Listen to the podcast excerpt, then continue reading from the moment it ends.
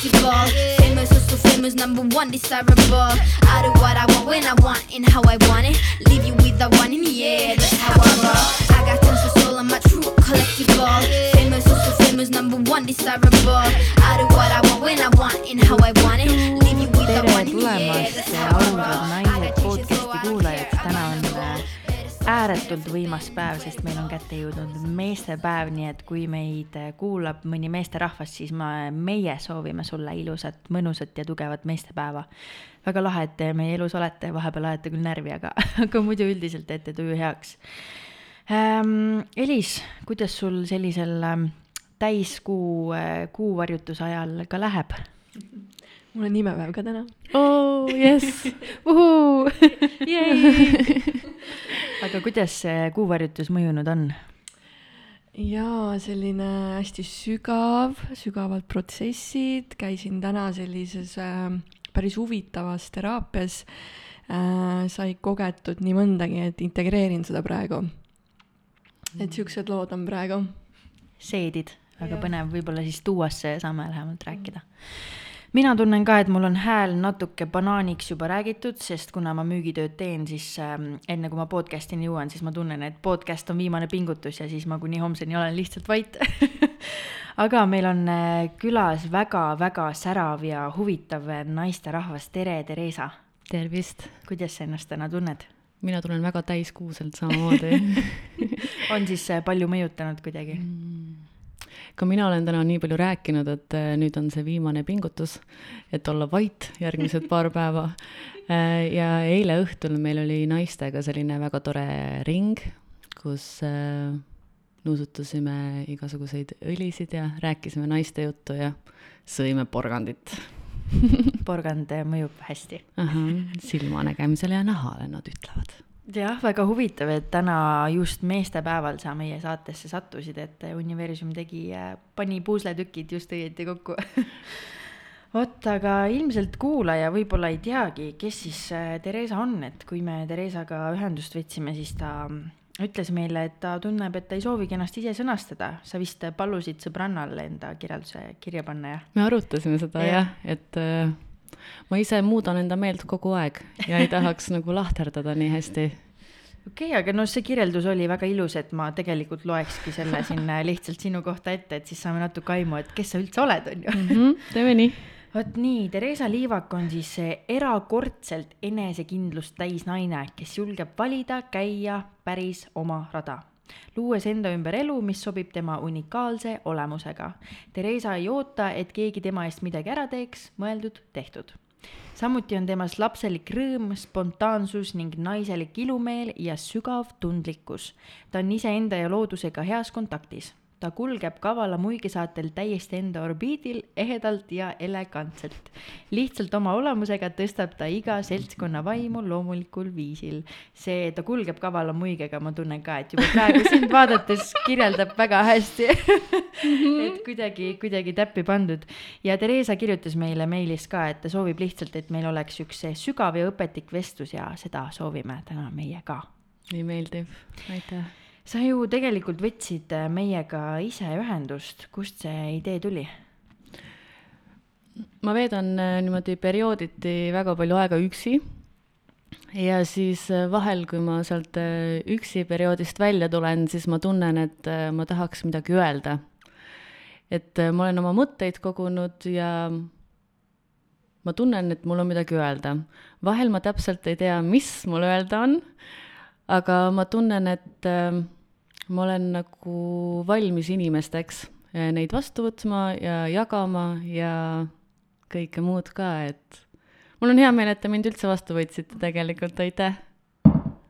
Ja mis oli lahe, on samamoodi, et meile ikkagi kirjutatakse saate tuleku soovidega ja sina olid ka üks nendest, et sa saatsid meile kirja, Elis või mina vist saatsime screen'i ja järgmine lause oli, et millal maja paneme, et Jah. ei olnud nagu mingit arutelu või küsimust seal. aga miks üldse meie, kas olid varem saateid kuulanud või? ma olin kuulanud tõesti, et sellel äh, nii-öelda üksi perioodil ma kuulan väga palju podcast'e viimasel ajal ja kui on pikad autosõidud, et äh, vahel ma sõidan kuus, seitse, kaheksa tundi järjest, siis jõuab päris mitu teie saadet ära kuulata. ja ma olen ikka mõnda kuulanud ikka päris paljusid, ma arvan. ja mulle kuidagi meeldis see vabadus, et äh, siin ei ole nii väga mm, ette kirjutatud, mis, millest me nüüd siis hakkame rääkima ja, ja siis, kui ma tundsin, et võib-olla nüüd mul ongi midagi öelda, siis ma tundsin, et äkki siin tuleb see välja. jõudsid ühesõnaga õigesse kohta oma teekonnaga. noh, ma loodan. okei okay,, no hakkame siis otsast minema. mina küsiks, et mis sind lapsepõlves rõõmsaks tegi, kas sa praktiseerid seda täna ka?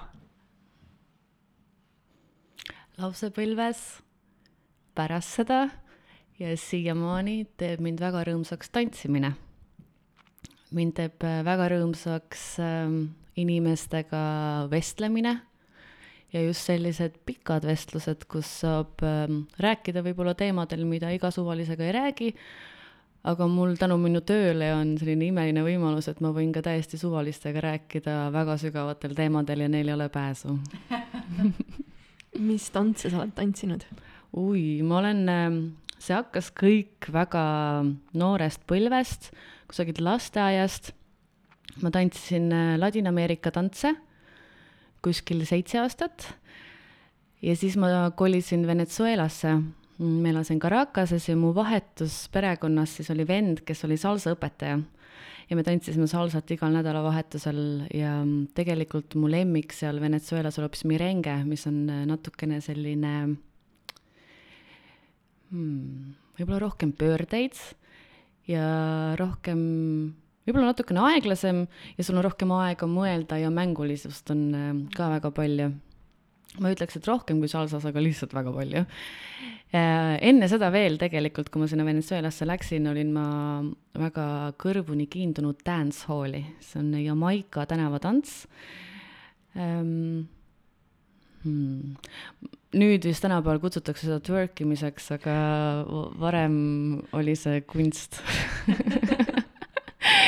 Ja siis sai seda ka väga palju harjutatud.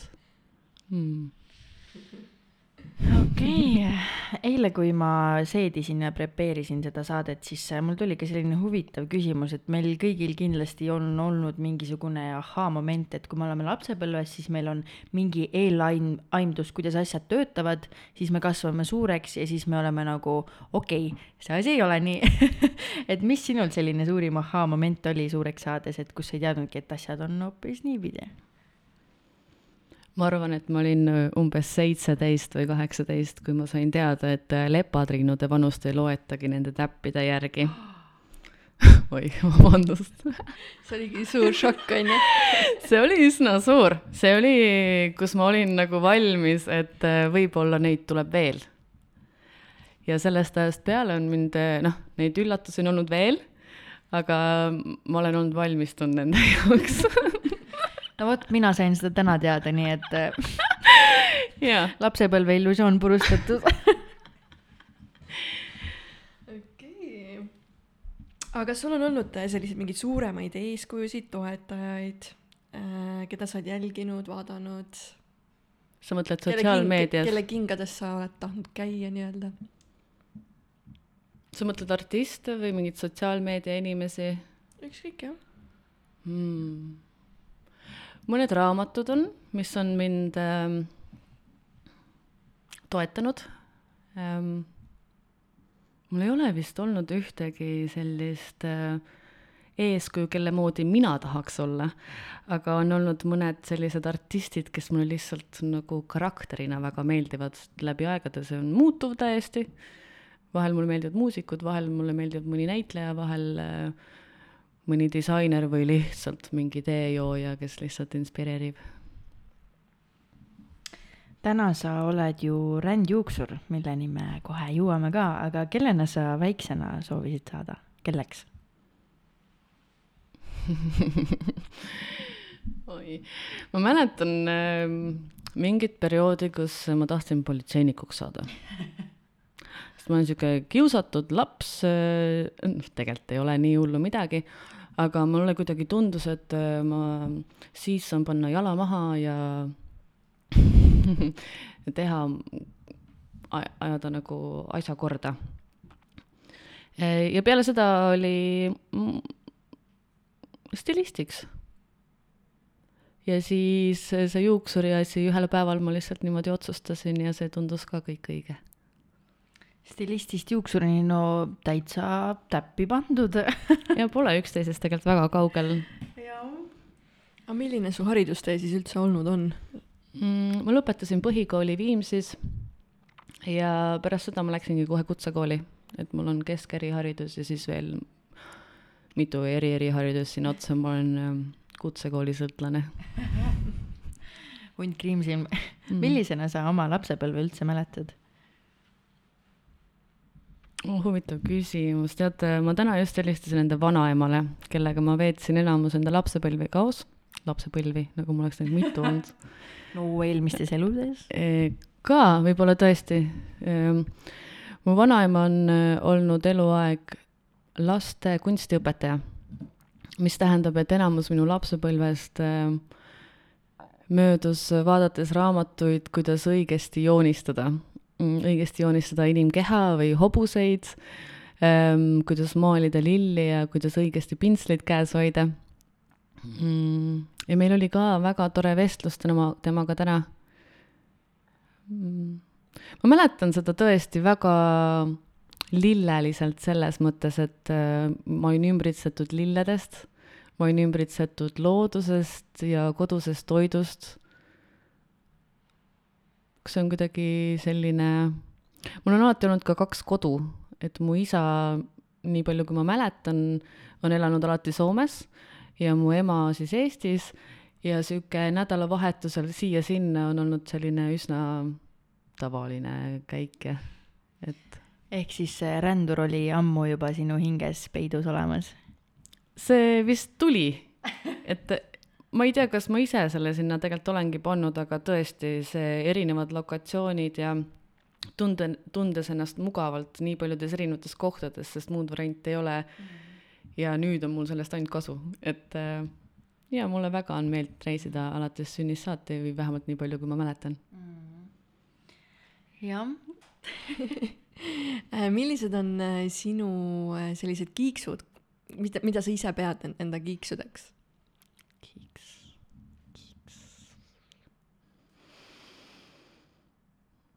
Mul on neid nii palju vist. kas sa avaldad mõne meile? top kolm äh, ma olen meister magaja mm.. et äh, ma võin reaalselt äh, magada ikka no kaksteist tundi pole mingi probleem ja siis sealt edasi, kui teeb väikse pissipausi ja joogipausi, siis võib mingi viis veel magada, ma arvan mm sa meenutad väga koalasid, siis nad äh, magavad kakskümmend kaks tundi ööpäevas, nii et äh, sarnasus on olemas mm. -hmm. Um, veel kiikse. Äh, ma olen väga puhas selles mõttes, et um, mul on, võib-olla see on isegi haiglaslik selline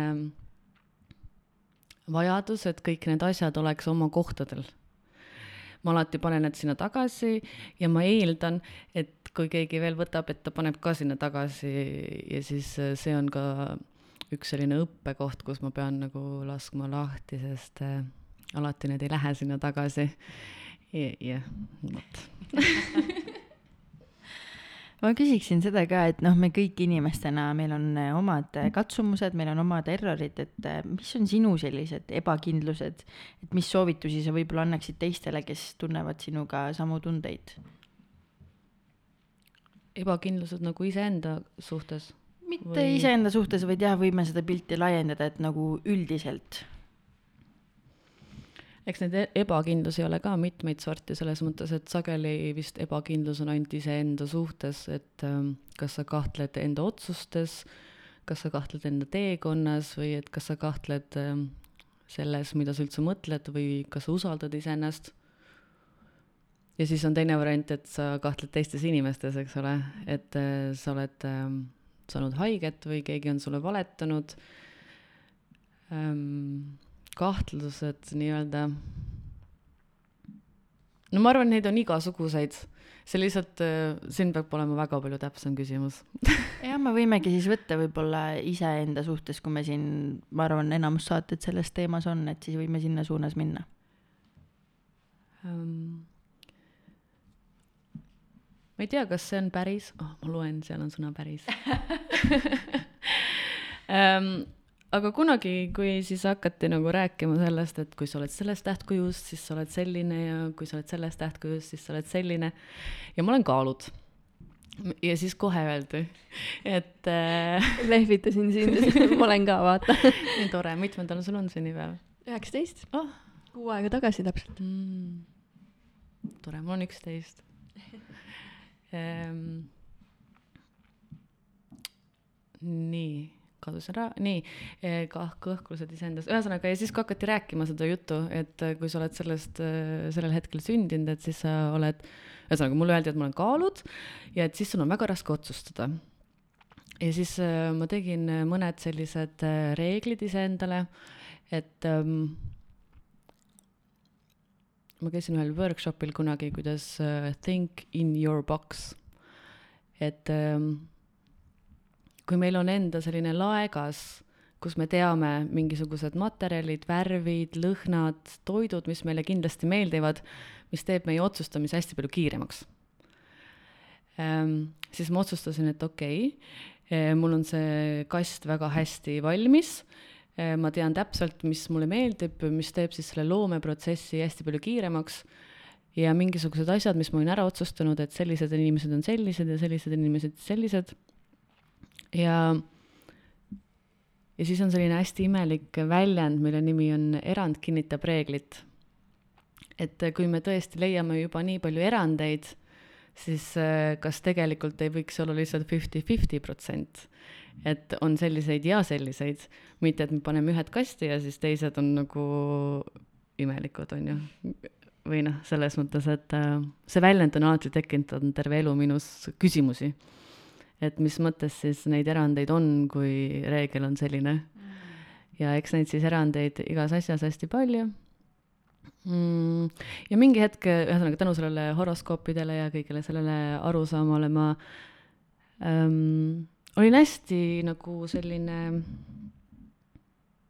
enesekindel mingi hetk, võib-olla isegi nagu liiga palju et ma otsustasin ära ja siis ma otsustasin, et nii ongi ja miski mind ei kõiguta ja miski mind ei liiguta ja ma olen niimoodi otsustanud.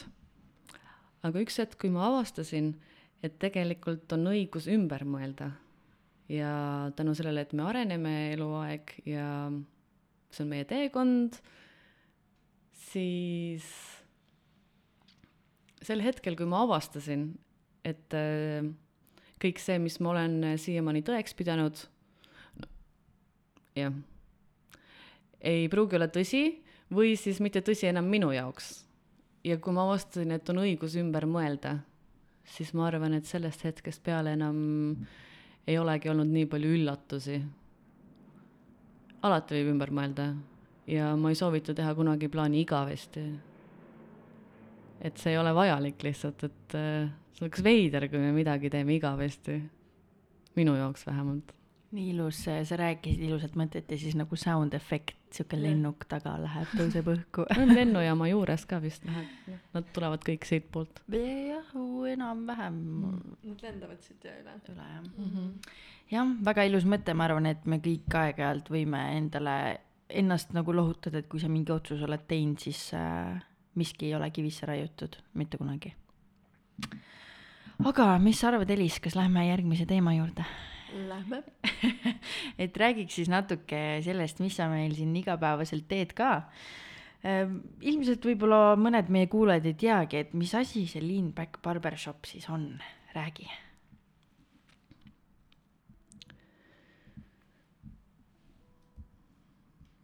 Lean Back Barbershop on äh, üks kaubik, Ford Transit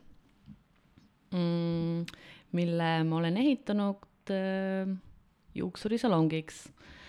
ja barbershop siis selles mõttes, et äh, ma olen spetsialiseerunud meeste juukse ja habemelõikusele ähm,. võib-olla, mis teeb selle asja eriliseks, on see, et ma olen seal ise elanud viimased kolm aastat ja, ja sõitnud mööda Euroopat, sõitnud siis äh, mm, ülespoole ja allapoole ja käinud erinevatel laatudel ja festivalidel ja üritustel. ja see on minu kodu ja ma arvan, et meil on armastuslugu mm. sul siis ei olegi Eestis siin enda kodu, et sul ongi see seal tead, bussis? praegu on selline olukord, kus on esimest korda elus, kus ma elan Tallinna kesklinnas. ja, ja, ja, ja, ja ähm, on, mul on nüüd keskküttega korter, kus ma ei pea nagu sooja pärast muretsema, sest seal kütavad nii palju ähm,. ja kahjuks ma ei saa iga hommik paljaelumurule minna enam mm.. aga ma ei usu, et see on lõpp Lean Ban-, Lean Back Barberstopile siis, et äh, ma arvan, et see on selline mm, vahepeatus. ma olen viimase kolme aasta jooksul kogunud nii palju väikseid ideid ja projekte enda pähe, et ma tundsin, et need vajavad nüüd väljundit ja kuna mul tekkis selline imeline võimalus sellele korterile, siis äh, ma otsustasin või ma tundsin ja miski väga suunas mind sellele, et ma oleks rahulikult seal, punuks oma pesa selleks talveks ja teeks oma need ideed lõpuni. millal sa viimati kuskil korteris niimoodi pesitsesid, et noh, reaalselt elasid? Niimoodi, et seitse päeva nädalas magad ühes korteris, see võib-olla oli kuskil kaheteistkümnendas klassis ehk siis äh, mitu aastat siis möödas on ei tea, palju ähm,. jah, palju jah, mitu aastat. ma sain see aasta kolmkümmend. juubel. oli küll, oli. Vau, siis võib nagu ära noh, nagu mõelda, et kui palju on liigutud ja reisitud, et äh, palju aega noh palju kogemusi seal on kindlasti, et sinna me kindlasti jõuame, aga mind huvitab, et miks just meestele suunatud muidu, et äh, kas siis äh, naised ei saagi sinu arust lõikust? ma ikkagi õppisin tegelikult Eestis äh, Tööstushariduskeskuseks, Tööstushariduskeskuses juuksuriks mm,. ja seal õpib naiste juuksuriks. ja siis äh, seal teise aasta lõpus äh, kui sa lähed juba sellisesse koolisalongi tööle, siis ähm, sul palutakse kutsuda enda sõpru, et siis seal harjutada nende sõprade peal. et võtad sihuke sõbra kaasa, siis terve päeva putitad seal tema juukseid, vaatad, kuidas asi käib, õpetaja käib ja riidleb kõrval. ja, ja siis sa õpid niimoodi. ja juuksurikoolis on siis lokid ja värvimine ja pulmasoengud ja fotosoengud ja kõik need asjad. ja järsku tuli välja, et äh, kõik need sõbrad, keda ma sain kutsuda kooli, olid mehed. ja sel hetkel ma sain aru, et ega seal Tööstushariduskeskuses tegelikult äh, sel hetkel meeste juuksuriks ei õpetatudki. ja ma olin täitsa hädas et ma oskasin teha ainult seda ühte soengut, mida kunagi sellest nõukaaegsest äh, juukse juuksuri raamatus siis oli tõlgitud eesti keelde, mida need õpetajad seal üritasid kõik õpetada. aga see oli nüüd kuskil viis aastat tagasi ja kui ma selle kooli lõpetasin. Eh, ühesõnaga, ma ei osanud oma sõpradega midagi seal teha, kuigi nad olid kõik väga valmis tulema. ja siis äh, mul tekkis selline ma kuulsin hästi palju lugusid ka sellest enda sõpradelt, et neile ei meeldi juuksuris käia Neil on ebameeldiv mälestus, nad käivad siiamaani selle juuksuri juures, kelle juurde ema neid kunagi viis. Äh, neil on olnud äh, kakskümmend viis aastat sama naabritädi Juta ja tegelikult neile seal salongis üldse ei meeldigi käia mis mulle omakorda nagu plahvatas, et issand, kui kahju, et mehed ju käivad juuksuris palju tihedamini ja et mõne jaoks on see hullem kui hambaarsti juures käimine, on ju. ja ma tahtsin seda olukorda kuidagi päästa ja siis ma kolisin Uus-Meremaale ja guugeldasin, et kes on Uus-Meremaa parim barber ja saatsin talle sellise motivatsioonikirja mm,. nädal aega hiljem me istusime baaris ja ta võttis mind tööle. ja siis temast sai minu master, tänu millele ma sain sõita mööda Uus-Meremaad, töötada erinevates barbershopides ja töötada koos All Blacksiga ja väga väga selline unistust täituv asi oli, ma olin ise nii motiveeritud, et ega ta sellest motivatsioonikirjast ei saanud vist ära öelda ka, et see oli nagu nii over the top and loaded, et see oli nii tore um,. jah. mis siis edasi juhtus? mis see küsimus oli? tegelikult sa võidki siit täitsa sujuvalt edasi selle looga minna, et kuidas sa siis sealt jõudsid äh, oma bussini? Oota, mul tuli eelmine küsimus meelde, et miks mehed? Äh, ja siis, kui ma olin barbariks õppinud ja Eestisse tulin tagasi, siis äh, ma olin nii ekstaasis, et ma hakkan nüüd kohe kõigile nagu õpetama ja koolitama ja et nagu näitama. aga selle aasta jooksul, kui ma olin ära olnud, olid nad avanud Eestis päris mitu barbershopi ja toonud kooli sisse nagu veits parema sellise sõnavara juba. Aga tegelikult meil siiamaani Eestis on küsimus, et äh, näiteks mina olen enda barbershopiga saanud äh, trahvi äh,, siis ma ei tea, mis see on, tarbijate ühistu või midagi, mis käib ja kontrollib erinevaid ettevõtteid ja mul oli kirjas barbershop. aga neile ei meeldinud see.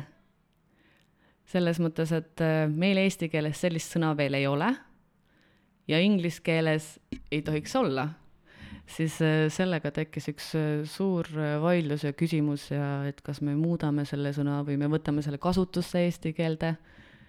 Mm, ja, ja siis ühesõnaga meestega sellepärast ka, et mehed lahkuvad juuksurites, juuksurite juurest alati rõõmsalt. naistel alati tekib küsimus enne seda, kui nad rõõmsaks saavad teine asi on see, et naised tahavad alati värvida ja seal on hästi palju rohkem kemikaale. aga kui ma tahan bussis töötada, siis mul ei ole lihtsalt nii palju vett, et seda värvi kogu aeg maha pesta. ma saan praegu oma vännis teha kaksteist juuksepesu meestele, mis on sellised lühikesed juuksed, peseb korralikult puhtaks. aga naiste pikkade juuste jaoks läks rohkem vett vaja ja mul lihtsalt ei ole see võimalik ühe selle vee tankimiskorraga nii-öelda mm.. Ja mulle meeldivad mehed ja habemed ja mulle meeldib nendega rääkida teemadel, mille, millest ma võib-olla nii sageli naistega ei saagi üldse rääkida. ja tegelikult üldse, kuni ma arvan, et kolm-neli aastat tagasi mul ei olnudki väga selliseid naissoost sõbrannasid. Et mul, ma leidsin ennast üldse naistega väga sellises veidras situatsioonis, kus ma, ma ei saanudki hakkama. Ähm, ma ei tea täpselt, kas see oli hirm või see oli mingisugune sihuke, et ma tahan olla parem või mulle, ma kuidagi tundsin, et tema tahab olla parem ja siis tekkis selline nagu kukkede, aga nagu kanade ähm, mingi võitlus. Äh, ja siis see läks kuidagi väga loomulikult ja mulle tõesti meestega meeldib väga töötada, sest mulle tunduvad nemad palju rõõmsamad. naistel on sihuke gossip ja vibes veits. jah.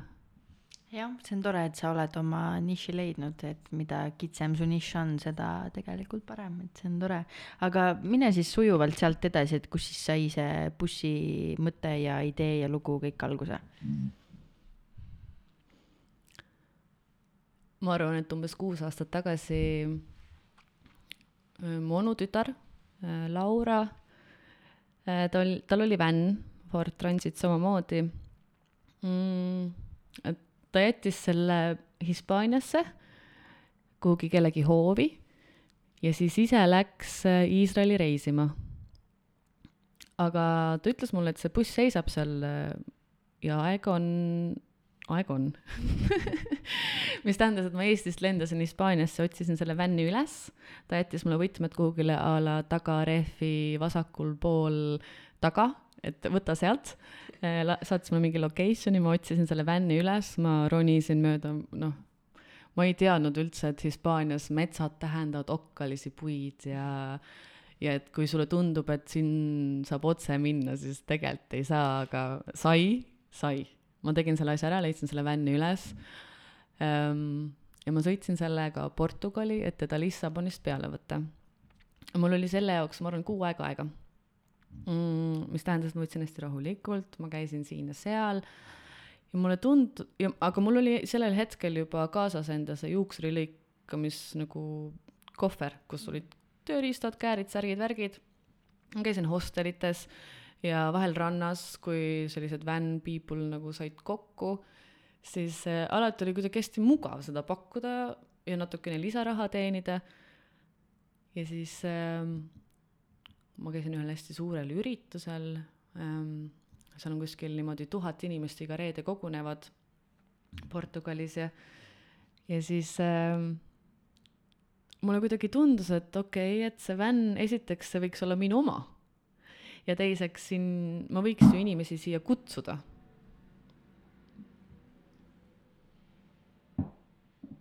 sest tegelikult ruumi on, et mul voodi jaoks ei lähe ju palju ruumi vaja ja siis sinna mahub täpselt ja siis ma ei ole niivõrd ilma, ilmastikutundlik, et ma olen, kui ma juukseid lõikan õues, siis vihmaga ei ole väga hea ja kui on natukenegi tuult, siis need juuksed ju ei püsi, on ju, et see on nagu kohe hakkavad lendlema, on ju. pluss veel inimesel märja peaga kusagil tuule käes õues istuda võib-olla ei olegi targem. ja siis ma tulingi selle idee peale täiesti niimoodi, et mul on vaja seda, see on mu eluks vajalik asi. ja ma nüüd hakkan selle nimel tööle ja siis äh, sai seal brainstorm itud igasuguste huvitavate inimestega, et kuidas siis seda teha ja kuidas mul see võimalikuks saab ja siis ma tegin hooandja projekti, mis äh, läks äh, väga hästi. ma sain selle raha kõik kokku, mis ma palusin ja küsisin. ja tänu sellele ma tundsin, et need inimesed, kes mind toetasid selles projektis nemad ju tahavadki, et mul see oleks. ehk siis ka neil on omakorda mingit sorti kasu sees. ja siis ähm, ma ehitasin selle asja valmis, mis omakorda, ma mõtlesin, et hooandja projekt on ühe väikefirma alustamise jaoks üks äh, ääretult äh, toetav ettevõtmine. ühtepidi raha, aga teistpidi on see, et kui sa oled seda lubanud mm siis sul ei ole enam, sa saad sealt nii palju power'it, et sa ei saa enam tagasi astuda. sa oled ju lubanud mitmele sajale või noh, poolele Eesti rahvale, öelnud videos selle välja, et jah, ma teen selle asja ära, et kuidas sa siis nüüd ei tee. annad veel mingi kuupäeva ka ja parem tee et jah. ja siis see buss sai valmis okei okay,, ma ütlen valmis, aga tegelikult kolm aastat hiljem ma ütlen, et ta ei ole ikka valmis, sest äh, see on sihuke, alati saab mugavamaks ja alati saab juba otsast peale alustada ja ma olen vahepeal seinad ära värvinud ja vahepeal liistud ära vahetanud ja alati mingit lambipirne tuleb vahetada ja roostetööd tuleb teha ja siis auto mehaaniliselt tuleb korras hoida ja see on kogu aeg sihuke elukestev projekt. aga valmis niiviisi, et äh, ma sain seal sees vastu võtta inimesi ja mul oli mugav. mis oli võib-olla selle protsessi juures kõige raskem? kõik need osad ja kõik see kujundus seal panna kompaktselt kokku niimoodi, et sa ise ka seal ära mahud, on ju?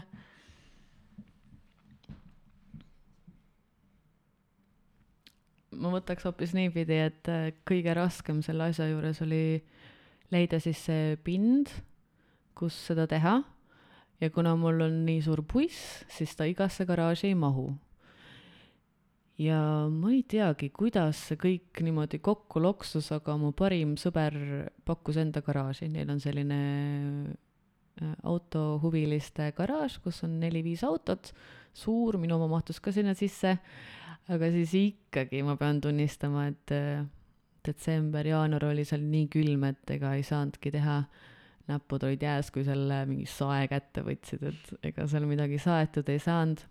ja siis see kaks kuud äh, siis sunniviisiliselt ennast nagu koju pannes ja, ja jättes endale ruumi, et mõelda, kuidas need asjad siis äh, peaksid olema, et oleks piisavalt mugav ja aga tead, sellega vist on ka nõnda, et äh, et hakkad ühest otsast pihta ja mul on elu moto, et üks asi korraga ja ma arvan, et selle vänni ehitusega läks samamoodi, et võtad oma hambaharja ja madratsi ja padja ja siis hakkad niimoodi pihta lihtsalt, et kus kohas sulle meeldiks ärgata, kus kohas sulle meeldiks äh, hambaid pesta ja kus sa tahaksid, äh, millise ukse peal enda kohvi juua. ja kuidas sulle meeldiks inimesi vastu võtta, et see, et küljeuksest inimene tuleb sisse, tundus mulle alguses ülihea idee, ma mõtlesin, et see on sada protsenti kindel aga siis ma sain aru, et kui ta küljeuksest tuleb, siis arvatavasti iga kolmas lööb enda pea ära. aga tagantuksest tulles ei löö keegi enda pead ära. ja siis noh, sellised väga väiksed asjad saavad lihtsalt kindlaks ja teevad asja ja otsustamise lihtsamaks. et eh, noh, kui me nüüd räägime nagu mm, ehitusmõttes, mis mulle kõige rohkem äh, valmistas küsimust, oli, panin üles äh, lakke äh, ühe pika LED-riba, mis on siis nagu terve ring bussi katusele, seestpoolt on ju, la-, laele nii-öelda. et kuidas seda varjata ja kuna bussi ehitamine ei ole kunagi nii, et mõõdad välja, vaid et see oleneb alati sellest, kuidas sa pargid ja iga sein on erinev, siis äh, mingit malli või mingit mõõdulinti seal nagu väga kasutada ei saa. ja siis äh, oligi kuidagi niimoodi ähm,, et kuidas seda LED-riba siis varjata. ma alguses mõtlesin igasuguste liistude peale, aga liistud on liiga sirged ja siis äh, veel ühesõnaga, see oli üks äh, pikk äh, kuu aega sellist igapäevast mõtlemist mm., kuidas see asi käib ja lõpuks äh, panin köie, väga geniaalne ma vaatasin ähm, seda õhtuvideot ka, kus sa väikse minituuri sellele bussile tegid, mega-mega-mega lahe e,. ilmselt seda on palju küsitud ka, aga kui sa sellega niimoodi üksi ringi sõitsid ja seal elasid, kas vahepeal tekkis ka mingi selline tunne, et sulle ei meeldi siin või on hirmus või on selline üksildane või noh, sellised negatiivsed tunded, et kas neid ka nagu tekkis? Mulle tundub, et need negatiivsed mõtted meie peas tulevad olenemata lokatsioonist. aga sel aastal Itaalias ma tegelikult alles tulin tagasi, kuskil kuu aega tagasi ma tulin Itaaliast, olin oma vänniga seal. ja seal tänu sellele situatsioonile siis, mis meil on hetkel ja nad on teinud sellise van life nii-öelda olukorra illegaalseks, siis eh, ikkagi iga kord, kui sa natukene kusagil niimoodi veidi metsa sees või parklas kusagil, kus ol-, olema ei peaks, eh, öö veetsid, siis ikkagi iga auto tuli ja iga selline krõbin-krabin tekitas natukene eba- e,, ebaturvatunnet. Et see on vist ainuke kord, mul tegelikult on mul on vannis sees käidud ükskord Lissabonis, et seal ma jätsin täitsa kesklinna sellesama onutütre vänni ja siis äh, tagant aknast äh, tuldi sisse. Um,. et ikka on, suurlinnades on tänu sellele olukorrale. Ja jah, ma tegelikult tunnen ennast üldjuhul väga mugavalt, mul ei, mul ei ole varandust ka et muidugi oleks halb, kui nad mu juukselõikusmasinad ära võtaks, varastaks, aga see ei teeks mind üüratult ähm, vaesemaks või, et äh, ikka on halb, kui keegi sinu kodus käib, aga ma olen, tunnen ennast alati väga turvaliselt. ja, ja ma tõesti usun, et see on lokatsioonipõhiline, kuidas, et ei ole lokatsioonipõhiline, et see oleneb inimesest endast minu üks äh, suurimaid unistusi ka on olnud selline üksi reisimine, mitte just, et nädalaks lähed kuuorti, vaid just selline seljakott selga üksi trippimine pikemat aega. et äh, mida selline üksi ringi rändamine sulle õpetanud on? üks asi on see, et me mõtleme, et me lähme üksi aga tänu sellele, et me lähme üksi me tavaliselt lähme kuhugi hostelitesse me läheme kuhugile mingitesse retriitidesse või camping saitidesse või mingitesse kohtadesse, kus on veel hästi palju neid inimesi, kes mõtlevad, et nad on üksi. ja see connection hästi kiire juhtuma. ja no ma arvan, et käsi südamel ma võin öelda, et need inimesed, kes üksi lähevad reisima, reisivad võib-olla kaks päeva üksi ja pärast seda on kellega koos reisida. Ja siis on väga keeruline sealt äh, sõprusest nagu välja astuda ja öelda, et äh, tegelikult ma tahan olla üksi ja lihtsalt ära sõita täitsa toorelt või lihtsalt minema kõndida, eks ole. et äh, tegelikult neid üksi reisimisi saab teha siis, kui sa lähed tõesti sellisele matkale, kus ei ole kedagi tee peal ja siis sa oled seal noh, kolm nädalat eks ma olen, arvan selle võlu ka, et sa ikkagi lähed üksi ja see, kui sa tee peal leiad mingi kaaslase või seal sihtpunktis, siis see ei ole nagu part of the process, aga see, et sa võtad ette ja oled, et sa teed selle otsuse, et sa nüüd lähed üksi, siis see on see, et vau wow.. aga tulles tagasi, siis mis see sulle õpetanud on? see on mulle õpetanud, et ma ei ole kunagi üksi et kui mul on vaja inimesi või lähedust, siis äh, väga lihtsalt on teada, kus seda saab. Ähm, jah, ongi need hostelid ja need mingisugused camping spot'id, imeline koht, kus tutvuda. mul on mõni selline idee veel, kus ma vahel käin, et kui ma suurlinnadesse satun, ennast väga üksi tunnen, siis ma lähen skateparki. Mm.. seal on alati igas vanuses noori toredaid inimesi. Ehm, hostelid on alati olnud sellised, et sa lähed sinna, seal on alati üle terve maailma igasuguseid inimesi, et seal on kindlasti mõni, kes sulle meeldib, et on kellega veeta paar päeva ja. ja siis juba läheb üle see üksi, ega siis tahakski jälle üksi olla äh, mina väga tihti telekaid ei vaata äh,, telekaid, telekat Äh, ja ükskord, kui ma ETV-d jäin vaatama, siis äh, tuli tõepoolest äh, sinu, kas see oli siis nagu mingi dokumentaalfilm lausa või selline kolmkümmend minutit või nelikümmend viis minutit sinust, selline äh, dok-, jah, kas on, ongi see dokumentaal või mis ta oli? see oli dokumentaalfilm väike, jah. jah, et seda ma nagu jäin silmama ja see oli väga huvitav ja siis mul jäigi meelde praegu tuli, et äh, kuidas sa sõitsid seal kuskil küla vahel, põld, põldude vahel, et saada ühele väiksele talu äh, veinikesele seal juuksed lõigatud ja parkisid sinna ära ja inimene oli rõõmus ja see oli päris äh, kelmikas, see oli päris lahe ja tänu sellele väiksele dokumentaalfilmile siis, äh, mis Margus Talvik ja Robert Kõrvits tegid, et ah, ma sattusin ikka sellistesse kohtadesse, kus ma väga võib-olla niisama päris ei satu ja need inimesed, keda ma kohtasin sellel võttel, oli ikka vaimustav, tõesti. ma tean täpselt, millisest stseenist sa räägid, päris hea küll see on jah lahe, et sa ju oled rääkinud, et sa teed ka ju- või oled teinud juukselõikusi siis ütleme mitte kasu saamise eesmärgil, vaid tõesti ütleme siis vanadekodud või kellel ei ole võimalust lõigata, et väga ilusad lood. et mina küsikski, et jaga siis meile mõni meeldejääv lugu üldse terve seoses selle barbershopi bussiga, mis sul kohe meelde tuleb? see vist ei ole võib-olla niivõrd äh, jah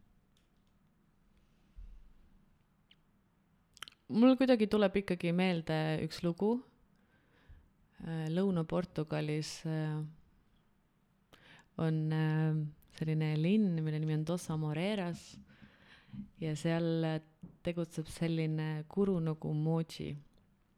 tal on seal oma retriit, seal elab mitu-mitusada inimest ja ma olin seda meest jälginud äh, oma elus, äh, ma arvan, et juba mitu-mitu aastat ja ma tundsin, kuidas äh, mingitel rasketel hetkedel ta andis mulle väga palju tuge. mitte siis tema isiklikult, aga tema sõnad või kuidagi tema mõtteviis mulle sobis. ja ühel sellisel täiesti tavalisel päeval Portugalis on niimoodi, et igas külas on kord kuus market, kuhu iga inimene võib minna müüma, ostma, kõik on avatud, keegi kelleltki nagu osalustasu, tasu ei küsi. ja, ja siis ma seisin seal oma selle barbershopiga, äh, väga hea meel oli, rahvast oli palju, päike paistis, hea päev. Ähm, ja siis kõnnib see Moji mööda sealt. Äh, mina täiesti teadmata, et tema seal külas siis tegutseb, sest mina tean, et tema on Jamaikalt pärit üldse. Mm, ja ta peatub ja ta tuleb mulle bussi. ja ta ütleb, et, äh, et see on nagu nii, nii tore asi, mis sa teed ja me istume ja me vaatame üksteisele silma ja räägime elust enesest ja ta kutsub mind enda sinna retriiti jõulude ajaks. et ma saan sinna minna ja juukseid lõigata seal. et seal elab mitusada inimest, äh, kes siis on nagu volun-, no vabatahtlikud ja siis veel mitusada, kes tulevad sinna niimoodi nädalavahetuste retriitidele või kuuajalise retriitidele või maksavad siis selle eest. ehk siis seal on nagu noh, nelisada, viissada inimest kogu aeg sees. ja, ja ma arvan, et need paar nädalavahetust, kui ma seal käisin, on küll sellised, et kui ma sinna sattusin juba läbi selle ja kui ma juba no et see on nagu viskadki motsiga käppa nii-öelda ja ja see on mingi täiesti teine keskkond, täiesti teine maailm, mis avanes tänu sellele, siis äh, see on küll vist midagi, mis mul on väga, väga soojalt meeles. jah. no vau, kuidas elu lihtsalt viskab, et ähm, jah, väga lahe, et teid niimoodi kokku viis. jah, mina ka nagu tean teda te- või noh, olen kuulnud temast, et äh, väga inspireeriv lugu igatahes. kas sa oled kuulanud ka tema neid saatsange? Jah, ma olen kuulanud tema neid äh, väljaütlemisi ja mingeid videosid, mis ta on teinud, et, et soovitan kõigile, mm. -hmm. nii soe. kas äh, sul on mingi enda äh, unistuste koht, kuhu sa tahaksid selle vänniga veel minna? mis sa plaaniksid, mis need ähm, tulevikuplaanid oleksid? tead, ma olen sellele küsimusele täna juba korra vastanud ja äh, juuksuritoolist küsitakse igast küsimusi mm. mul ei ole unistusi seoses selle vänniga. mul on unistusi seoses enda eluga. aga ma tean, et see vänn on osa minu elust. ja kui ma hakkan enda unistusi täide viima, siis eh, ega ma seda vänni ei jäta. see on nagu kellegi kass või koer, et sa tead, et see on sinuga alati kaasas. Ta annab sulle nii palju ja ta võtab sult nii palju, et jah ma arvan, et äh, paari aasta plaanid on ikka kõik temaga seotud. kas sa mõnda saad meile jagada ka? tahaks minna Montenegrosse. Pole seal kunagi käinud, pole üldse seda piiri sealt avastanud nii palju. Ja mulle tundub, et tänu sellele, et see Itaalia, Hispaania ja Portugal selle van life'i kõik äh, ära lõpetas ja illegaalseks tegi, siis äh, ma arvan, et Albaania ja Montenegro ja Kreeka on niisugune uus tulevik nendele inimestele. aga mis mõttes nad selle illegaalseks tegid, et sa siis ei tohi elada seal riigis vännis või mis see nagu point seal taga on? Mm, sa võid jah peatuda ainult siis karavanparkides ja nendes nagu ette nähtud kohtades, kus sa pead maksma. Et enam ei tohi niimoodi, et sa oled ükskõik mis rannas või ükskõik mis metsas kindlasti mingit moodi saab susserdada ja kindlasti igasse parki mingi korravalvur ei jõua, aga, aga need parimad kohad on kindlasti võetud jah, nagu sa mainisid, see ärevus ka seal taga, et sa ikkagi ei tea, kes, kes uksele võib ja, ja ei, koputada. see ei ole seda väärt lihtsalt. Jah, mina küsiks seda, et sellise mm, pideva liikumisega ju tegelikult tuleb hästi palju seda teadlikku kohalolu ka praktiseerida, et kuidas sina tänasel päeval enda jaoks kohalolu praktiseerid? ma mediteerin iga päev. aga see toob mind kindlasti siia nüüd ja praegu ja kohale. aga ma olen hästi palju ka unistaja. Et kui ma leian ennast unistamast, siis ma tunnen, et see olen mina hetkel siin ja praegu, kes unistab ja see tundub kõik väga reaalne ja võimalik. ja ma arvan, et kõik ongi võimalik. selles mõttes kohalolu tunnen ma ka siis, kui ma teen sporti. Kui oled ennast juba no nii ääre peale viinud, et võib-olla enam ei jaksa, siis äh, oled ikkagi siin ja praegu ja teed seda ja teed lõpuni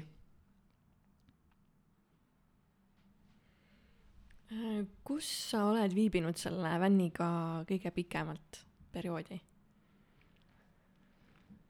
eelmine talv, eelmine mitte siis, üle-eelmine tegelikult. ma sõitsin Portugali ja tegin tiiru ümber Hispaania ka. aga ma arvan küll, et see Portugal vist on see, mis, mis on olnud kõige pikemalt ja ma tunnen ennast sealt tavaliselt kõige turvalisemana ja mul on seal juba sõpru ja need teekonnad on hästi lihtsad ja mugavad ja võib-olla isegi liiga lihtsad mm. et ma see aasta otsustasin, et ma, ma tegelikult olin teel Portugali, kuni ma üks hetk avastasin, et see tundub kõik liiga lihtne. Et peaks kuhugi mujale sõitma. ja siis äh, esimeseks ideeks tuli, et äh, läheks Itaaliasse makarone sööma. jämme kolm korda päevas sõin makarone kuu aega järjest, imeline mis on selline kõige veidram asi, mida sa oled välja vahetanud siis teise inimesega, et sina teed talle lõikust ja sina oled siis midagi temalt nagu saanud, et sihuke vahetuskaup? Vihmaussi sõnnik. tegelikult. jah, jube Sa- hea taimeväetis. sul läks seda vaja jah okay.? siiamaani läheb vaja. okei, okei. aga kuna, kui, kuna meil on äh, praegu siis meestepäev ka, siis äh, räägi, kuidas on meeste soovid ja valikud läbi aja muutunud soengutega, et äh, oled maininud siin seda jalgpalli MMM-i, et äh, et kui tähendusrikas see meesterahvastele on, et nad tulevad pildiga sulle sinna kohale ja värki, et see on sageli küll tõsi, et kui see aasta, kui on mm, et äh, siis äh, näen üsna tihti erinevate jalgpallurite soe-, nägusid, et noh, seda soengut või tahaks siis seda soengut. viimasel ajal on igasugused mingid Netflixi seriaalid ka kindlasti ähm,.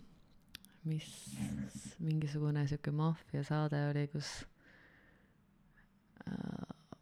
praegu ei tulegi meelde, ma ise ei ole üldse mingi seriaali vaataja, polegi enda elus ühtegi otsast lõpuni vaadanud vist.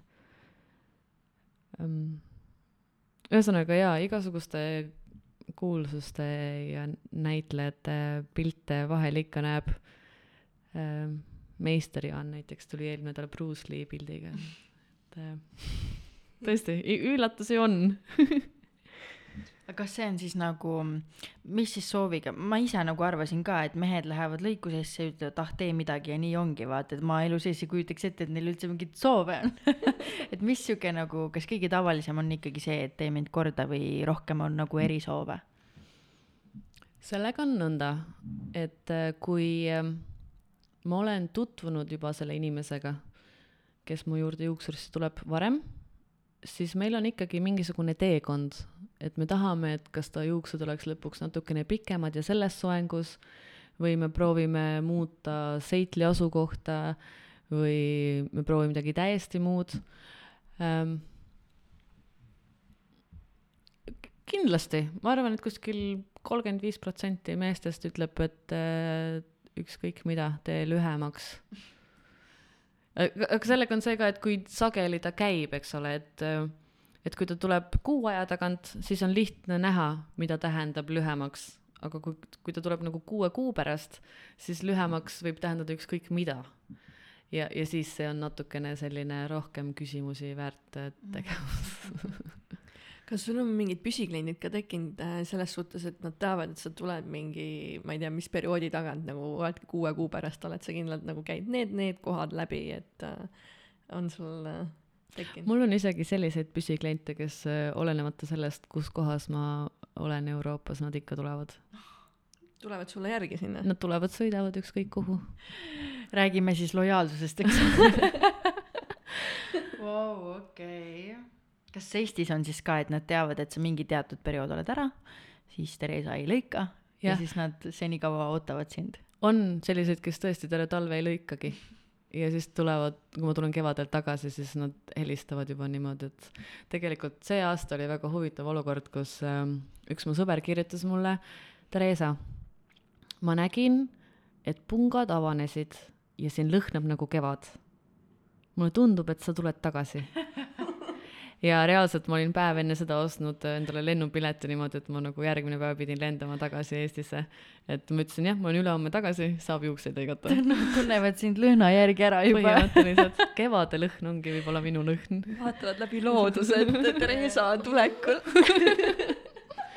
see oleks ilus mõelda nii see on jah nagu mingi nähtusvaade, et kevad on tulekul, Theresa on tulekul. jah, kas te teate, et Eesti pääsukesed lendavad Portugali talveks? Nad on kõik Portugalis ja seal on hästi palju pääsukesi talvel. oota, kus nad siis puhkama lähevad perega? no vot, ja, ja siis mul on mõni sõber eh, Portugalis, kes ka alati ütlevad, et kuule, Eesti pääsukesed jõudsid kohale, kus oled sina? et eh, siis ma pean ka alati ütlema, et kaugel ma olen ja millal ma jõuan. koos pääsukestega. jah, eks ma tegelikult saan nendest aru, kes sinu järgi ootavad, et eks see ikkagi kipub nii olema, et kui sa ühe hea inimese leiad, kellega sul on hea klapp ja ja ta teeb oma tööd hästi, siis äh, ma arvan, enamus oleksidki nõus sõitma, et seda teenust nagu saada, et äh, ma täitsa, täitsa mõistan neid. vot, aga mm, sa oled loomult ja iseloomult väga sihuke sügav ja lahe ja särtsakas inimene, et ma tahakski teada, et mis väärtuste järgi sina oma elu elad? mis see tähendab, väärtus? noh, nagu kuidas ma ütlen, meil kõigil nagu no elu moto näiteks, et meil nagu sisemuses on kõigil nagu mingid väärtused, mille järgi me nagu me elame, et ma tean, et see on minu jaoks tähtis ja ma nagu käin mööda seda rada ja või noh, ühesõnaga mm Mhm. -hmm. saad aru küll. kui ma räägin koostööst teiste inimestega, siis minu moto on, et kui sa näed tööd, it's yours. et kui sa juba näed, et kusagil on vaja midagi putitada, siis palun ole hea ja tee ära. mina alati teen, kui ma näen, siis tuleb ära teha. see, et sa tead lihtsalt või lähed, ütled kellelegi teisele või kolmandale, et palun tee see asi ära, siis äh, minu peas see ei käi nii, minu peas if you see a job, it's yours mm,. no see käib väga sellega ka kokku, mis me alguses, saate alguses ütlesime, mõeldud-tehtud. ja, ja just. Aga kui ma nüüd räägin üksi olemisest, siis äh, mulle meeldib olla üksi ja mulle väga meeldiks, kui kõigil teistele meeldiks ka olla üksi. kui kõigil oleks mugav olla üksi ja kõigil meeldiks olla nende elus, et neile, neil oleks mugav olla enda elus. mulle väga meeldiks mul on ja see on väga hea tunne. kuidas sa siis äh, ise sinna panustad, et inimesed jõuaksid sinna, et neile meeldiks üksi olla? see on harjutamise asi. see on lihtsalt harjutamise asi. kuidas sa harjutad? ma olen nii palju teie saateid küll kuulanud, et te räägite Vipassanast kogu aeg. ma soovitan väga Vipassanat. see on üks väga hea harjutus olla üksi. Ma soovitan ka üle mõelda ja ümber mõelda. et ähm, alati ei pruugi olla nii, nagu oled juba siis valmis mõelnud, et alati võib ümber mõelda see teeb üksi olemise lõbusamaks kindlasti, et sa mõtled enda mõtteid üle ja kas sa kinnitad neid või mõtled ümber siis nii-öelda. Üksi olemise teeb lihtsamaks ka see, kui sul on mugav. ja kui sul on alati võimalus äh, saada tuge enda sõpradelt ja perekonnalt, et kui sul on, kellele helistada näiteks see teeb ka üksi olemise väga palju lihtsamaks, et sa julged minna kaugemale, kui sul on mingit sorti toetus kas või läbi telefoni. jah, ma tunnen, et see üksi olek on selline, et lihtne on öelda, et ole üksi ja naudi, aga tegelikult see on äh, väga keeruline ja see on selline oskus, mida jah, tulebki praktiseerida, see on nagu teadlik skill, et kui sa lihtsalt oled üksi ja näpud püsti ma nüüd olen, et siis äh, et see päris nii ei käi, et ma ise olen ka tundnud, et mingitel perioodidel kuidagi see iseendaga suhe on selline, et sa ei tahagi nagu üksi olla, et sul on nagu ebamugav, sa ei taha nagu, et sa otsid kogu aeg mingit distraction'it, et võtad siis Instagrami, võtad siis raamatu, lähed siis mingeid asju tegema, et kuidagi see enda keskis olemine on nagu ebamugav, et sa nagu ei taha otsa vaadata, et tere, tere, Lauret, kuidas sul läheb mm. -hmm. et aga jah, et seda tuleb praktiseerida ja see on väga-väga-väga-väga-väga oluline. vahel mulle üksi, et isegi näiteks pidu panna üksi nii-öelda, et panedki siis enda lemmikmuusika reede õhtul ülikõvasti ja siis tantsid ja lõpuks higistadki. ja ma olen teinud seda. ja see on nagu väga hea üksi olemise harjutus, et äh, jah, me võime minna klubi, pupi, kuhugile peole, tantsida seal, kuigi siiski olles vait, sest sa ju tantsid, eks ole. et ega sa nagunii seal juttu ei räägi, siis tegelikult sa oled juba üksi mm.. et seesama olukord on ju tegelikult seal klubis, pubis, peol, aga miks siis seesama olukord ei võiks olla kodus, eks ole. et ilmselgelt me lähme peole, võib-olla oleme seal viis tundi või ma ei tea, üsna kaua on need full tööpäevad tunduvad tavaliselt. et me ei pea kodus nii kaua tegema, me võime kodus kaks tundi tantsida ja tegelikult see tunne on isegi parem ja mugavam ja puhtam ja odavam. ajakulukam ka kindlasti. kusjuures üksi olemine on väga odav. et äh, see on äh, väga selline et kui sa tahad äh, elada säästlikult, siis üksi olla on väga, väga, väga soodne. kümme nippi, kuidas raha säästa üksi jaa, absoluutselt. samas ma kuulen ühiskonnalt on see, et kui elab paarilisega koos, siis saate kulusid nagu kokku hoida ja katta, on ju, et siis sealt tuleb nagu teine teooria sisse. et noh. see on ainult üüri osas niimoodi. vist jah, et nad mõtlevad et just niimoodi. tegelikult sa ikkagi sööd rohkem, sest sul on külmkapis rohkem asju. sa kulutad rohkem energiat äh, elektri mõttes kasvõi. Ja, ja nojah, kurat, ma ei ole kunagi niimoodi mõelnud. ma hakkasin ka praegu nagu niimoodi mõtlema, et ma olen nagu kuulnud seda. et see üürivärk kindlasti jah, et siis on nagu soodsam, onju. kuigi elektriarve on kindlasti topelt ja toiduarve kindlasti eks, eks topelt see. kindlasti oleneb, et kui sa ütleme bussi lähed või elad korteris või elad telgis, et äh, ma arvan, igatipidi saab teha mm. -hmm. eks need eluväärtused ole ka erinevad, et kellel mida tarvis on, et neil hea oleks.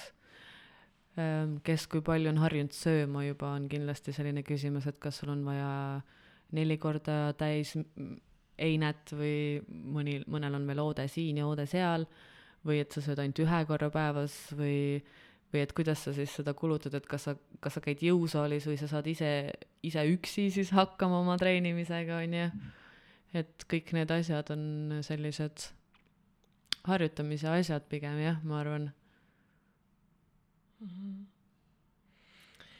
Millisena sina näed äh, sellist ideaalset maailma, kuhu sa tahaksid ise panustada millegagi? mulle meeldiks, kui kõigil oleks otsus. et äh, ühtepidi, et nad oleks val-, nad oleks juba valmis mõelnud enda otsuse, mida alati võib muuta, aga et neil oleks mingisugune idee, mida jagada, et äh, et nad ei hanguks niimoodi kahe vahel, et äh, ei oleks et kui oleks karakter, siis oleks karakter ja ta teaks äh,. muidugi kindlasti on alati neid inimesi, kes äh, ongi siis erinevates kohtades oma elus ja kellel ei olegi alati nii lihtne, eks ole, et kas on mingi trauma või mingit sorti läbielamine olnud, mis paneb teda kahtlema iseendas, ka väga okei okay.. aga siis on julgust vaja, et tunnistada seda asja. Mulle meeldiks, kui kõik, kõigi otsused loeksid ma ise olen väga, väga, väga selline, et äh, ma ei, ma ei lähe nagu käima, kui kellelgi on teine arvamus kui mul. et ma alati kuulan lõpuni ja see on okei okay. ja ma võin enda oma jagada, kui sa oled valmis kuulama, aga kui sa ei ole valmis kuulama, siis ega ma ei pea kah. jah, issand, see on nii ilus mõte, seda on meie praegusesse olukorda vaja igale poole kleepida et siukest chill vibe'i, ma arvan, maailm väga vajab ja kui sina seda juba teed, siis on üks suur samm tehtud. jah, ma loodan.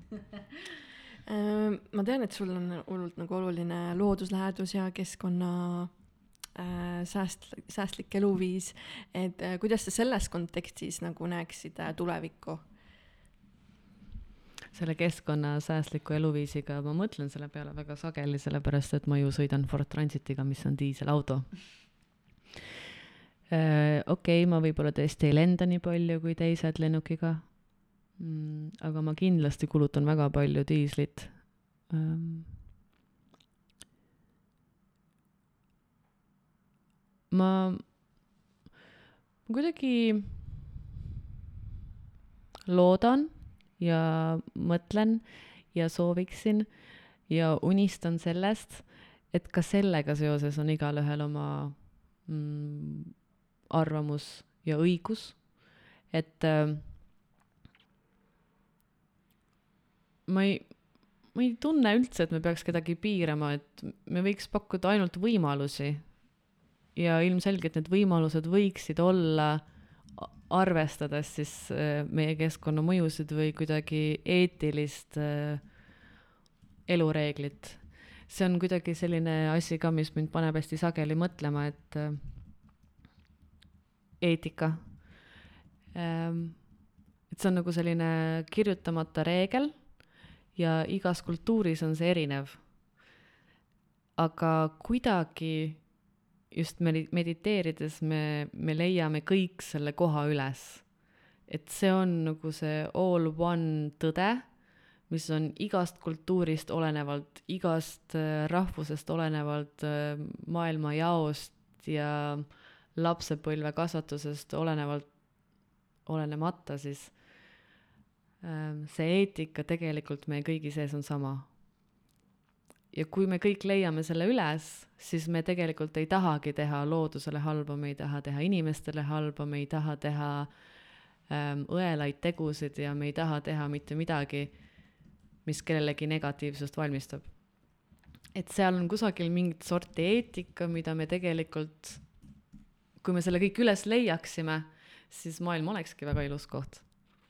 aga me ei ole veel kõik harjutanud piisavalt palju, et seda leida see on nagu umbes, et on selline mäng nagu Build a Planet ja siis seal esimene missioon oleks leia eetika selle planeedi seest. just, midagi sellist. päris, päris lahe seda nii võtta mm. -hmm vot, aga tegelikult me hakkamegi vaikselt otsi kokku tõmbama, sest et aja möödudes me oleme siin juba rääkinud üle tunni. oi, vot lõbus. jah, et meil olekski siin äh, kaks väikest küsimukest ja siis äh, tõmbakski selle õhtu, õhtu padja alla. et mina küsiks, et ähm, kui keegi tõesti on äh, murest murtud ja mõtleb üle ja pablab ja on hirm ja ebakindlus, et siis kui sa saaksid talle öelda ühe soovituse, siis mis see oleks? ma arvan, et ta võiks kohe mulle helistada peame siis su numbri siia saate alla panema või, või...? no kirjuta Instagrami, ma helistan sulle ise Lean back barber stop, sealt saab mm. -hmm. Um, tuleb maha rahuneda lihtsalt ja siis hakatagi vaikselt ümber mõtlema neid asju, mis meid tegelikult ärevusse ajavad. kunagi vist äh, keegi on öelnud midagi sellist, et alguses äh, sa põed, mida teised arvavad sinust ja siis ähm, sa nagu rahuned maha ja nagu mõtled, et okei okay,, et ainult ma ise siis öö, otsustan ja kõik on tore, et siis on hea elu, aga lõpuks saad aru, et tegelikult ei ole kedagi algusest peale juba huvitanud, mida sa teed, et et tegelikult see pablamise värk ongi sihuke, et et kui sa kellelegi võlgu ei ole mm,, ma mõtlen rahalises mõttes ja ma mõtlen ka sõnalises mõttes, et sa ei ole kellelegi lubanud midagi, mida sa ei suuda täita või sa ei ole kellelegi raha võlgu, siis tegelikult ei olegi põhjust äh, siis muretseda millegi pärast. et see võlgu olemine on selline, mis äh, seob sind kinni mingisuguse kohaga või su enda mõtetega, aga et senikaua, kuni sa võlgu ei ole, siis äh, võib teha ja mõelda, kuidas sa soovid me saime nüüd praegu teada, et sa elad siis äh, vanalinnas on ju praegu, aga kesklinnas aa uh, kesklinnas, okei okay.. hästi vanalinna äärel, ma kuulen seda hommikul, seda Toompea hümni mm -hmm. hommikul ja õhtul. mina kuulen ka seda. nii tore äh, ja ma tahakski teada, et millised on siis sinu tulevikuplaanid, visioonid, mingid eesmärgid seoses vänniga või üldse selle tegutsemisega vänniga siis ainult, ma tegelikult käin koolis praegu. ei pea ainult vänniga, ma arvan mm. üleüldse ka mm. -hmm. ma käin praegu koolis, Haapsalu kutsekoolis, õpin loodusgiidiks mm.. ja minu plaan on äh, viia inimesi metsa, tutvustada neile see kõlas, kõlas kuidagi, et viisakalt, et minu plaan on inimesi metsa viia. oled näinud seda filmi Ugly? Palun mine vaata täna. kas see on õudukas või? ei ole. su nägu ütleb midagi muud ma soovitan, see on üks väga hea film väga,. väga-väga hea okay.. väga vana ka. pane kirja. pane jah, IMD list juba ootab ehm,. ma tahaks selle kooli ära lõpetada, mul on üks aasta veel jäänud mm,. ma leian, et noh, tänu sellele erialale nüüd, mis ma olen õppinud, ma olen kogenud, et äh, inimesed, kes on linnas sündinud äh,, neil ongi hirm looduse ees. väga sageli inimene ei julge üksi metsa minna, nad on kuulnud hundilugusid, nad on äh, kuulnud mingisuguseid imelikke äh, lähed seenele, kaod ära lugusid, mis on ka võimalik, et metsal kindlasti on see anne ja metsahaljas on kindlasti olemas, kelle töö ongi sind ära eksitada. et äh, mulle meeldiks näidata inimestele seda, et äh, loodusesse minek, rappa, metsa, järve äärde, telkima ööseks, päevaks, kolmeks nädalaks, et seal ei ole midagi hirmsat. ainuke hirm on iseenda ees. Ja mm, kui ma selle kooli lõpetan, siis äh, ma arvan, et see on juba üks väga-väga mõnus uus peatükk, mis rullub ise lahti kindlasti minu ees. Ma eelmine aasta oma koolipraktika tegin La Gomera saarel koos Ave Nahkuri juures. Ja see oli ka imeline, et matkasime iga päev. Ja noh, ma mõtlen, et ma olen selline jaa, teeme ära, et seal mul oli küll vahel sihuke tunne, et kuule, Ave, äkki me täna istume, et me ei pea kakskümmend kilti täna jälle kõndima, et alles eile ja üleeile ja üle-üleeile ja üle-üle-üleeile me nagu kõndisime kakskümmend kilti, et äkki täna teeme kolm või nii, et aga ega ta armu mulle ei andnud seal. Äh, praktika sai tehtud, eelmine nädal sai kaitstud isegi. Äh, see aasta jälle, kui kellelgi on mingi tore loodusseikluse idee, siis kindlasti võib minuga ühendust võtta. Lähme Laureta mm. -hmm. jah, ma just tahtsingi öelda, et minul tuleb nüüd järgmine nädal äh, üks väikene seiklus ka, kus me lähme siis glampingusse, mis on ka tõesti keset ei mitte midagi, et see on keset ähm, loodusparki, seal ei ole mingeid inimesi, poode, mitte midagi. ja ma olin selle üle väga excited, aga mida lähemale see hakkab jõudma, siis ma tunnen, et mul on päriselt hirmus ja ma ei mhm. arvanud, et ma seda tunnen. et tõesti, et ma olen telkinud, aga jah, see, et kuidagi seal keset seda metsa olla ja ööbida, et siis äh, põnevusega ootan. no õnneks karud meil juba magavad ähm ma ei tea, rebased, neid ei ole vist põhjust karta ja see, et poodi lähedal ole ära, seda küll karda. Nojah, et, et seal nagu ümber ei ole midagi, rebased võtan kõik asju ja. jah, nad on üsna toredad, see marutood on vist mööda läinud ka. jess okidoki, no siis on nii, väga tore, mõnus, rahulik on olla, nüüd saab koju minna ja vait olla ja meestele pai teha ja, ja helistada läbi, ma helistasin läbi oma vanaisale ja oma parimad sõbrad ja üks tore, mulle meeldib, et november on niivõrd mehine kuu, et et meil on isadepäev ja meil on meestepäev ja siis meil on kogu see novembritrall, et kes seda vuntsi kasvatab ja mm. siis kas mm. päriselt nagu keegi käib ka kontrollis, et et see on sihuke, kahjuks ma pean tõdema jah, et Eesti mees ei ole väga sihuke äh, arsti juures kontrollis käia, et neil on kuidagi väga suur hirm millegi ees, mida nad isegi ei tea. et naised ju ikka peavad günekoloogi juures käima every now and then, et et miks siis mehed ei võiks või noh, nad tegelikult peakski. et eks neil samasugused eesnäärme mingid probleemid ja vähid ja kõik need muud asjad, mida tegelikult eelnevalt ennetades äh, saab nagu ravida jah, nii et mehed arsti juurde minek, vutt-vutt. vutt-vutt. okei okay,, no lahe, väga lahe. kas on midagi, mida me sinu käest ei küsinud ja mida sa tahad veel öelda või kõik sai räägitud? mul on praegu hästi. kui mul midagi meelde tuleb, siis ma ütlen kusagil mujal võib-olla paneme saate külge yeah., kui midagi tuleb. saadan teile niimoodi vot, no väga lahe, aitäh, et sa meile kirjutasid, aitäh, et sa tulid, aitäh, et sa oled ja aitäh, et sa jagasid, tõesti lahe saade oli ja mm, sulle ka aitäh, Elis.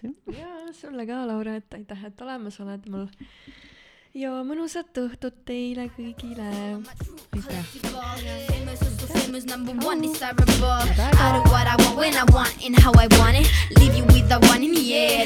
aitäh. I got conscious soul on my true collectible. Famous, also famous, number one desirable. I do what I want when I want and how I want it. Leave you with the one in the air, that's how I roll. I got changes, so I don't care about no gold. Better, so much better, flipping incredible.